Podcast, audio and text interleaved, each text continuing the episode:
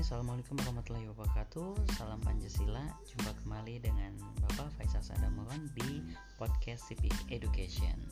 Di episode sebelumnya kita sudah membahas tentang pembagian kekuasaan. Dan kalian juga sudah mengupload tugas-tugas kalian Dan mudah-mudahan akan menambah ilmu dan wawasan kalian.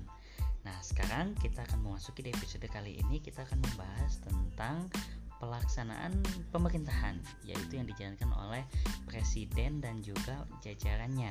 Dan hari ini kita akan fokus mengenal tentang tugas-tugas para menteri.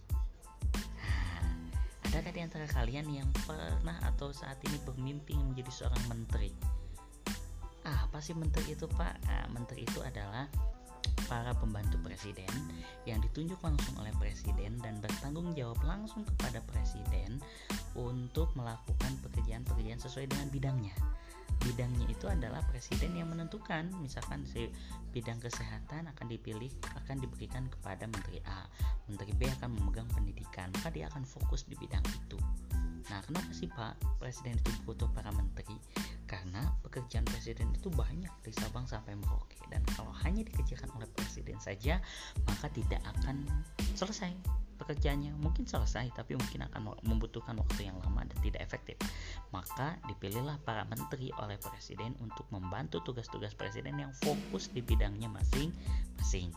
Ya, ada banyak kementerian-kementerian di Indonesia. Contohnya ada Menteri Kesehatan, Menteri Pendayagunaan Aparatur Negara, Menteri Ekonomi, Menteri Pemberdayaan Perempuan, Menteri Kelautan dan Perikanan, Menteri apa lagi? Menteri banyak, masih banyak lagi kementerian itu.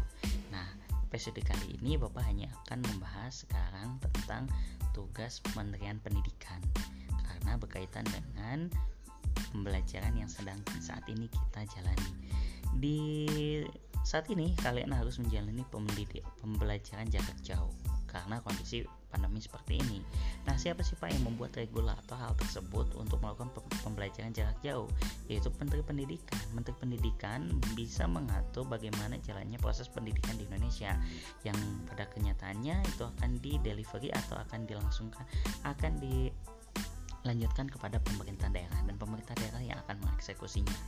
Nah, pendidikan atau pembelajaran jarak jauh dibuat itu untuk meminimalisir penyebaran virus COVID-19. Dan kalian yang tetap berada di rumah tetap harus belajar walaupun dalam kondisi seperti ini. Maka dibuatlah kebijakan pendidikan jarak jauh. Dan itu adalah salah satu tugas Kementerian Pendidikan masih banyak lagi tugasnya. Tapi hari ini kita hanya akan fokus kepada pembelajaran jarak jauh ini. Nah gimana sih perasaan kalian sekarang di pembelajaran jarak jauh? Apakah menyenangkan? Apakah sedih karena tidak bisa berjumpa dengan kawan-kawan di sekolah?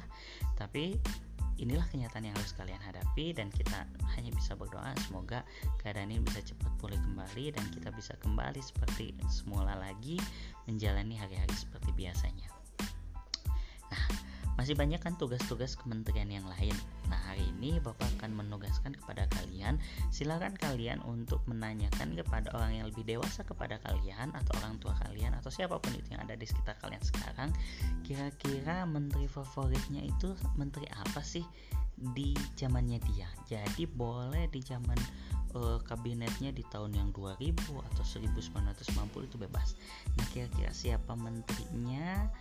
menteri apa dan kenapa jadi favorit pasti ada alasannya nah setelah itu silakan kamu bisa upload jawabannya di grup WhatsApp hingga pukul 7.45